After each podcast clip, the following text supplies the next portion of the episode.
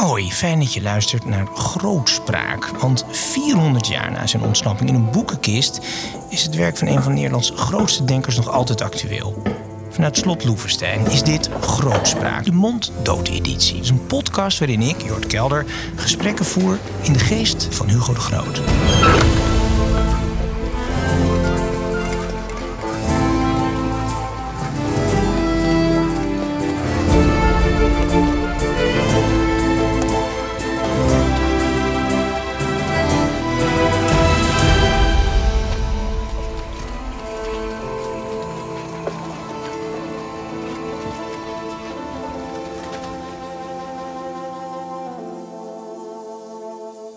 Ahoy, zeg ik voor de luisteraars, maar ook voor de leenheren. De, nou ja, populaire taal, de sponsoren natuurlijk van uh, Slot Loevestein.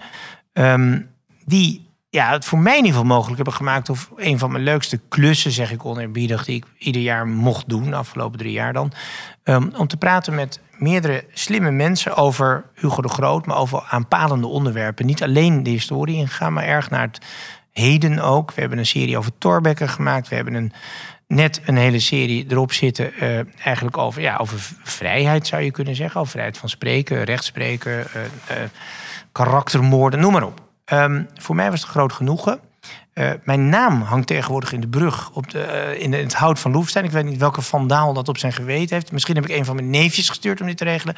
Maar ik heb het in ieder geval kunnen constateren naast koningin Juliana. ik denk dat de familie daar heel blij mee is. Um, ik ga nu doorpraten toch even op, over onze serie die we hebben gedaan. Liefst um, 13 uh, over Grootjes, 6 over Torbekken, 31 eminente sprekers. Waaronder een Dick Berlijn, de grote generaal Beatrice de Graaf, grote historica, Afshin Elian. Um, nou ja, eindeloos veel hele goede sprekers, echt. En dan ga ik over praten met Henk Nelle, uh, de bekende biograaf van Hugo de Groot. Met Ed Dumrezen, directeur van dit slot. Um, en met Frank van Hoorn, eigenlijk de bedenker van de podcast. Laat ik eens even met jou beginnen, Frank. Um, jij kwam op het idee, waarom geen podcast? Why? Ja, ik kwam op het idee, um, Stefan Bergman, waar ik nog mee op een voetbalveld heb gestaan in, in Gurkum, aan, de andere kant van de rivier, uh, die was actief in de Stichting Vrienden van uh, Slot Loevestein ik ben er daar ook zo ingerold eh, als, als leenheer. En dan ga je nadenken, wat kan ik dan bijdragen? En ik lag aan een zwembad. Mijn kinderen waren aan het, aan het zwemmen. En ik was in de vuistdikke biografie van Hugo de Grote bezig. Van Henk ja. Nelle, die hier links naast me zit. Ja. En toen schoot me het woord grootspraak uh, uh, te binnen. En daar dacht ik, ja, dat is dan een podcast. Mm -hmm. Eigenlijk is het zo gegaan. Ik kan het niet mooier maken dan het Had is. je ook een, kijk, dit slot... Het vraag ook aan Ed. Kijk, een van de bekendste kastelen van Nederland. De meeste mensen, nou veel mensen, laat ik het zo zeggen, zullen weten dat het iets met die staatsgevangenis en Hugo de Groot van doen heeft. Maar wij hebben het over onderwerpen, heel veel over vrijheid, over juridische uh, kwesties gesproken. Um, wat was nodig voor dit kasteel? Niet zozeer dat er een uh, publiciteit gemaakt wordt. De naamsbekendheid van Loevestein is enorm groot. Het is een sterk merk, zou je zo zeggen. Maar wat wel voor mij belangrijk is... Uh, het, Loevestein is prachtig, maar je kunt zeggen... Ja, waarvoor zijn dan al die oude stenen? Ruim ja. eens een keer op. Nou ja, ze zijn er omdat het uh, ergens over gaat. En wij proberen juist de relevantie van de geschiedenis uh, zichtbaar te maken. Wat we eigenlijk met de podcast de hele tijd doen... de link te leggen met vandaag. Dus ja. eigenlijk is geschiedenis... ehm, Uh, altijd politiek, het heeft altijd betekening. Hoe de interpretaties die wij nu geven aan het verleden. Mm. Het, is, uh, het is nooit neutraal. En je kunt er een romantisch verhaal van maken. Je kunt er heel uh, uh, ridderspelen aan vastmaken. En een soort escapisme om eigenlijk te ontsnappen uit mm. de uh, hedendaagse tijd. Maar voor mij is geschiedenis juist stilstaan van de betekenis voor nu. Wat betekent die geschiedenis? Wat, hoe kan het ons inspireren? Ja. En daarvoor is juist de podcast wel mm. nodig. Want dat hebben we de hele dag al gedaan met die reeks en daarvoor ook. Het gaat erom, wat zegt ons de geschiedenis? En die herhaalt zich niet, of er is nooit een, uh, dezelfde. Maar het, het, er zijn wel parallellen, er zijn wel dingen terug te zien. En dat kan altijd wel inspireren om tot nieuwe oplossingen te komen. En dat is uh, waarvoor die geschiedenis zo belangrijk is, waarom dat kasteel zo belangrijk is. En waarom het zo belangrijk is bij die mensen die hier zaten stil te staan. Ja. Iedereen kent het spannende verhaal van de ontsnapping van Hugo de Groot. Maar de gedachte van Hugo de Groot, dat kennen veel mensen weer te weinig. En daar Ja. moeten we juist bij stilstaan.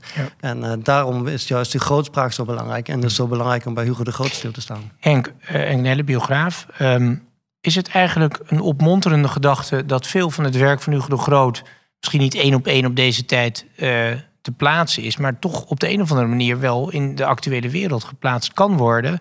Of is dat juist heel verdrietig? Nee, dat vind ik zeker niet eh, verdrietig. Het, ik vind nog steeds een van de bijzondere dingen van Hugo de Groot. eh, dat het je eigenlijk leidt binnen een onderzoeksterrein dat heel erg eh, rijk is. Ehm, je hebt Erasmus, je hebt eh, Spinoza, dat soort mensen die wereldberoemd zijn, net als Hugo de Groot. Maar Hugo de Groot is in dit opzicht uitzonderlijk dat hij heel veel dingen heeft nagelaten. Er zijn nog eh, heel veel eh, niet bestudeerde handschriften. Vaak zijn die ook onleesbaar en gaat het om echte notities. Waar zijn die? Die zitten in, in bibliotheken over heel de wereld eigenlijk, maar met name toch in Nederland, In wat in Zweden en Ja. En eh, dat komt omdat zijn paparassen, zijn eigen huisarchief, dat, eh, die zijn in 1864 eh geveild. En toen was de Nederlandse regering eigenlijk nog niet overtuigd van de waarde van Sorry dat, Henk, eh, waarom zijn die geveld? Wat is dat voor armoe? Omdat eh, de laatste afstammeling van Hugo de Groot, die woonde in Kuik en die had schulden gemaakt bij zijn pensioenhouder. En die zei: Ik moet, van dat spul, ik moet mijn schulden betalen. Jezus. Dus dan kan ik maar beter van dat spul af eh, zijn. En hij verkocht het voor 1600 euro of gulden. Was Wat toen trouwens wel veel geld was. Maar Was, ja, zeker. En, maar toen is het ehm, ter veiling gebracht. En toen hebben allerlei mensen... Een veiling betekent natuurlijk op de eerste plaats bekendheid met wat is nu het materiaal. Er werden dus voor het eerst inventarissen gemaakt van dat materiaal. Maar vervolgens werd het verspreid, want allerlei mensen kochten het. ja, ja, ja. Dat is midden 19e eeuw. Midden 19e eeuw. En eh, ja, ik ehm, ben op een bepaalde manier in die handschriften eh, gedoken en heb eh, daar onderzoek naar gedaan. Maar als ik nu zo'n podcast eh, hoor en al die onderwerpen die ter sprake komen, ja, dan eh, zit ik daar ook eigenlijk eh, met trillende knieën bij. Ja. Want ik denk iedere keer van ja, daar had ik eigenlijk ook wel meer over kunnen lezen. En dat onderwerp had ik eigenlijk verder Ja? kunnen Heb je iets geleerd, Henk? Ik heb heel veel geleerd en met name het feit dat... eh, ik denk, ik raak er steeds meer van overtuigd dat een goed historicus... die moet iedere dag intensief kranten lezen. Dan kan hij ook reflecteren op Ja. wat hij zelf in de bronnen aantreft. Want het is natuurlijk wel een, een, een leven wat gericht is op specialisatie... en focus op eh, één Ja. onderwerp. Snap, je, snap jij het verleden beter door het zeg maar met nu te vergelijken? Of snap je het nu juist beter? Nou, op sommige dingen hint je zelf al. Je had het over dat koningschap. Het is natuurlijk een rare zaak dat wij dat in, eh, wanneer was het, in 1815 zomaar hebben Ja. ingeplant in het Nederlandse politieke bestel. Terwijl wij een, altijd een republiek zijn geweest. En ja, dat soort processen die interesseren me erg. Want er loopt veel meer door eigenlijk door de eeuwen heen dan je op eerste oog zou denken. Ja.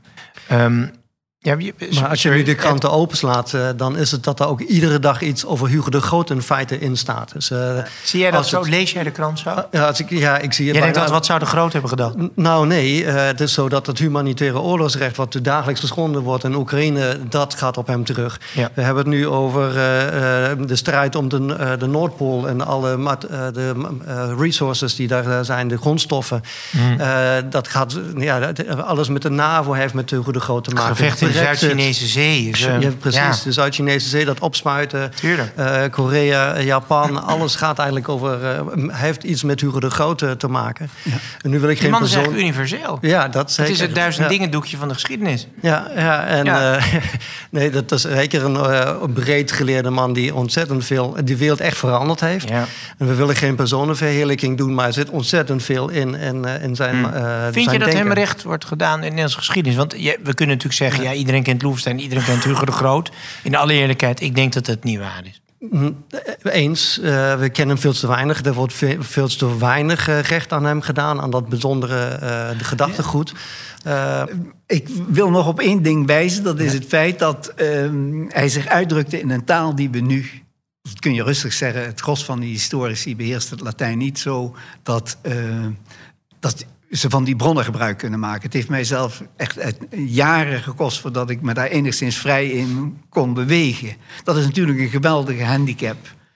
Ehm, als het gaat om eh, het meten van uh, de belangstelling van Hugo de Groot, dan kun je naar twee dingen kijken. Worden er nog conferenties aan hem gewijd en worden zijn boeken nog vertaald en uh, besproken op die conferenties? En je kunt inderdaad zeggen, in dat opzicht is Hugo de Groot nog altijd een, echt een leer, geleerde van internationale reputatie, die over heel de wereld aandacht ja. trekt. Ook als voorloper voor zulke denkers als Locke en Hobbes.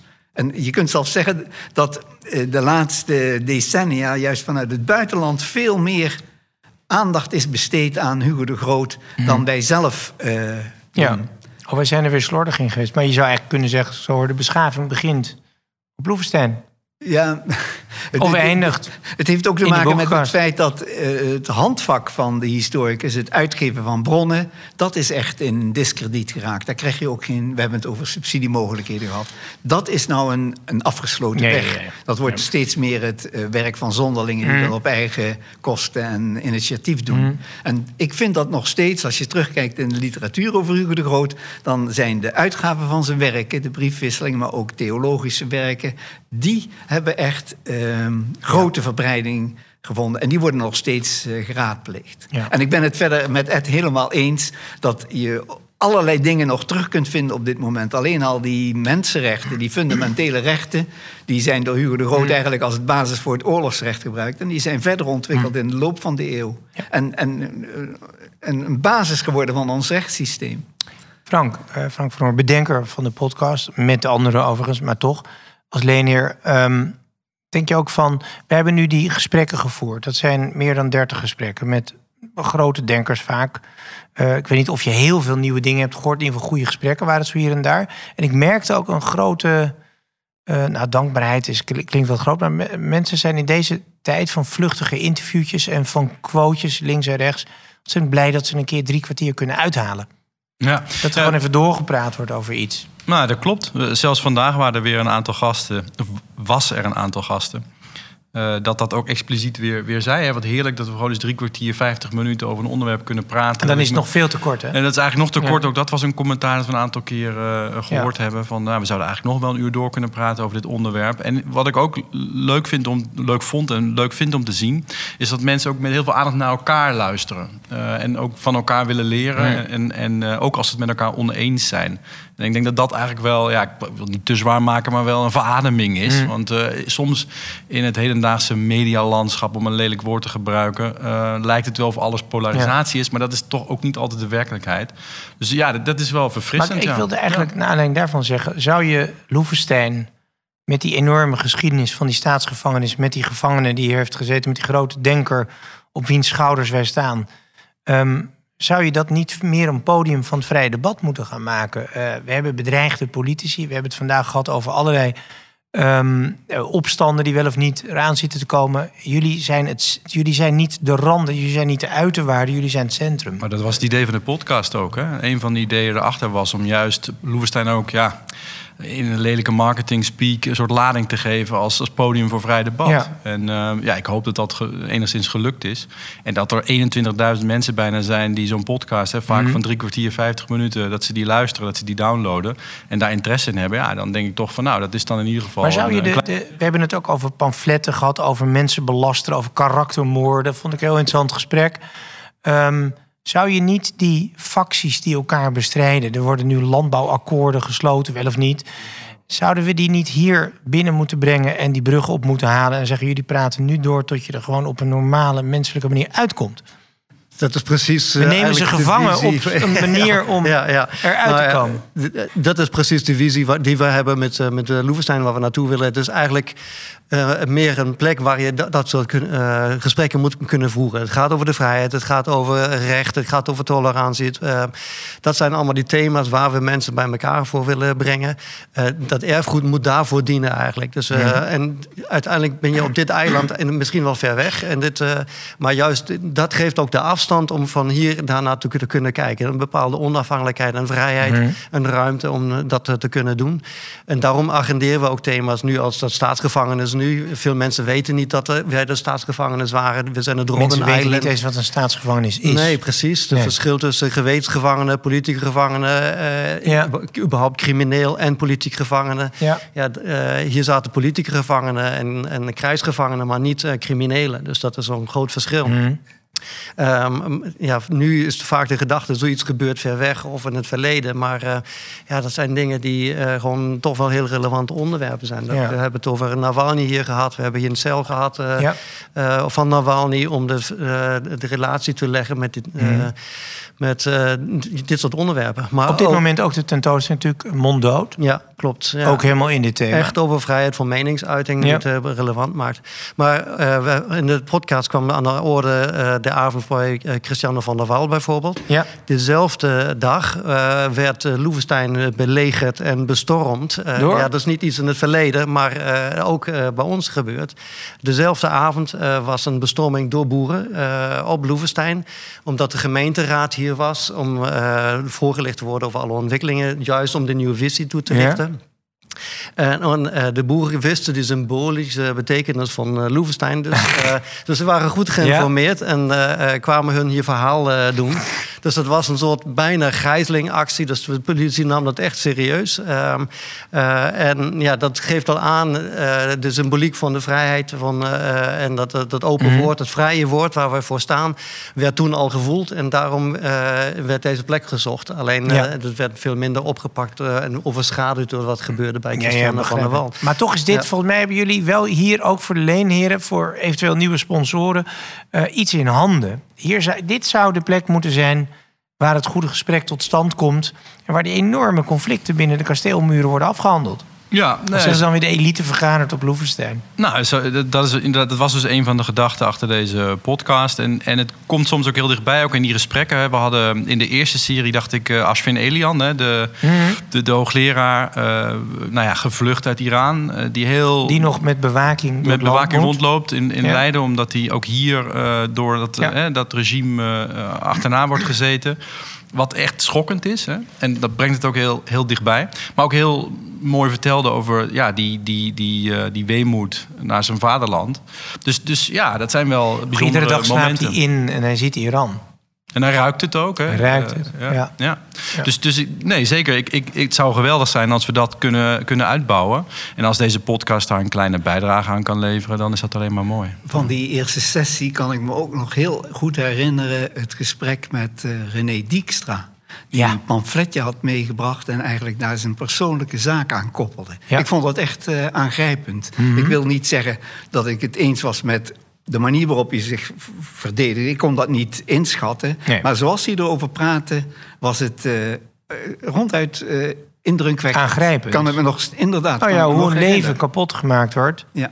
door een incident waarvan Zeker. wij allemaal niet precies kunnen beoordelen wie nou wel of niet gelijk had, maar de gevolgen zijn vrij desastreus. Ik kwam hierheen naar Loevestein met het idee van, nou ja, Hugo de Groot, uiteraard geweldig dat hij in de kist vertrokken is. Ontzettend treurig dat hij nooit Nederland... Hij is even kort in Nederland terug geweest, maar laten we zeggen dat hij hier uiteindelijk niet kon sterven als oude man. Ehm, maar dat jij toch een rechtvaardiging op een bepaalde manier voor de veroordeling van Van Oldenbarneveld hebt gevonden. Ik vond het een betreurenswaardige conclusie. Henk, Nee, maar je moet, je moet van Hugo de Groot ook geen heilige maken, want dan ben je ook op de verkeerde weg. En gelukkig is ook die status die hij rond 1900 eh, had en waar ik mijn baan aan te, denken, te danken heb, Mhm. die is ook afgebroken. En nu hebben wij toch wel meer oog voor het feit dat hij in een context. eh, zat waarin ook verkeerde dingen gebeurden. Bijvoorbeeld, er is toch wel de laatste tijd meer aandacht voor het feit dat hij bij dat Nederlands eh, kolonialisme, ja, daar heeft hij aan de wieg gestaan. En Ja. het is nog steeds, maar dat maakt het ook weer interessant. Je moet die mensen ook beoordelen naar de moraliteit van die tijd. En dat is juist zo ik moeilijk. zeg altijd, waar waren we geweest zonder de VOC? Maar ja, Ja, dat geloof ik ja. niet officieel. Maar nee hoor, nee, dat, eh, ik zal niet ehm, de oud-minister-president Balkenende citeren. Ehm, je merkt al dat daar meteen een voorzichtigheid komt. Dat dat VOC dat dat al ingewikkeld is. Maar dat is iets van 16.2, jongens. Hallo. Ik voel me niet verantwoordelijk voor wat ze toen hebben gedaan. En alles mag gezegd worden en alles mag bestudeerd worden. Ehm Emma Annemaal, ambities. Ambities zijn er altijd, maar daar moet je volgens mij voorzichtig mee zijn. Ik, ik zou heel graag nog even dank willen uitspreken aan de leenheren... die het toch mogelijk maken. Ik, ik mag hier aan tafel zitten en oké, ik heb het bedacht... voornamelijk samen met mijn uh, compaan uh, Stefan Bergman. Maar iedereen draagt daar grotelijks aan bij. en, dat is, en dat is geweldig dat we die mogelijkheid hebben. Ja. En ook dat we hier te gast mogen zijn... want uiteindelijk zijn we dat bij, bij Loevestein, bij, bij Ed en, en zijn team. Dus dat is, dat is fantastisch. En ja, het is ook gewoon... we hoeven onszelf ook niet tot heilige te maken. Het is natuurlijk ook gewoon hartstikke leuk om te doen. Ik, ik heb de boeken van Henk gelezen. Ik heb daar met een potloodje onderwerpjes uit zitten vissen. Ja. Uh, daar hebben we gasten bij uitgezocht met een leuk team en zo. Dus het is ook leuk. Uh, en dat is uiteindelijk ook belangrijk. Dat we een beetje plezier met elkaar hebben, denk ik. Oké, okay, dank jullie allemaal wel. Ed Dumreese, directeur hier van het slot. Frank van Hoorn, een van de leenheren. En natuurlijk Henk Nelle, de grote uh, grootjes biograaf.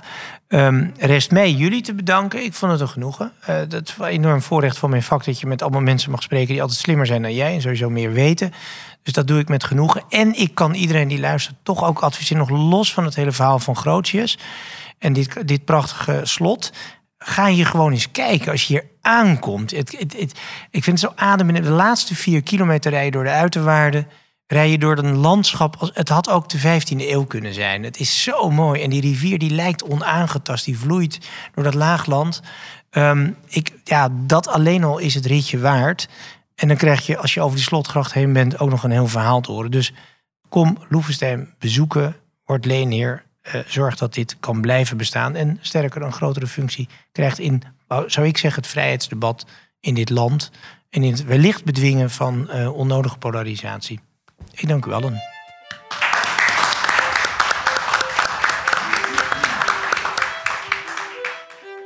En dan zeg ik een tikje plechtig. Dank voor het luisteren, want dit was Grootspraak, de mond-dood-editie.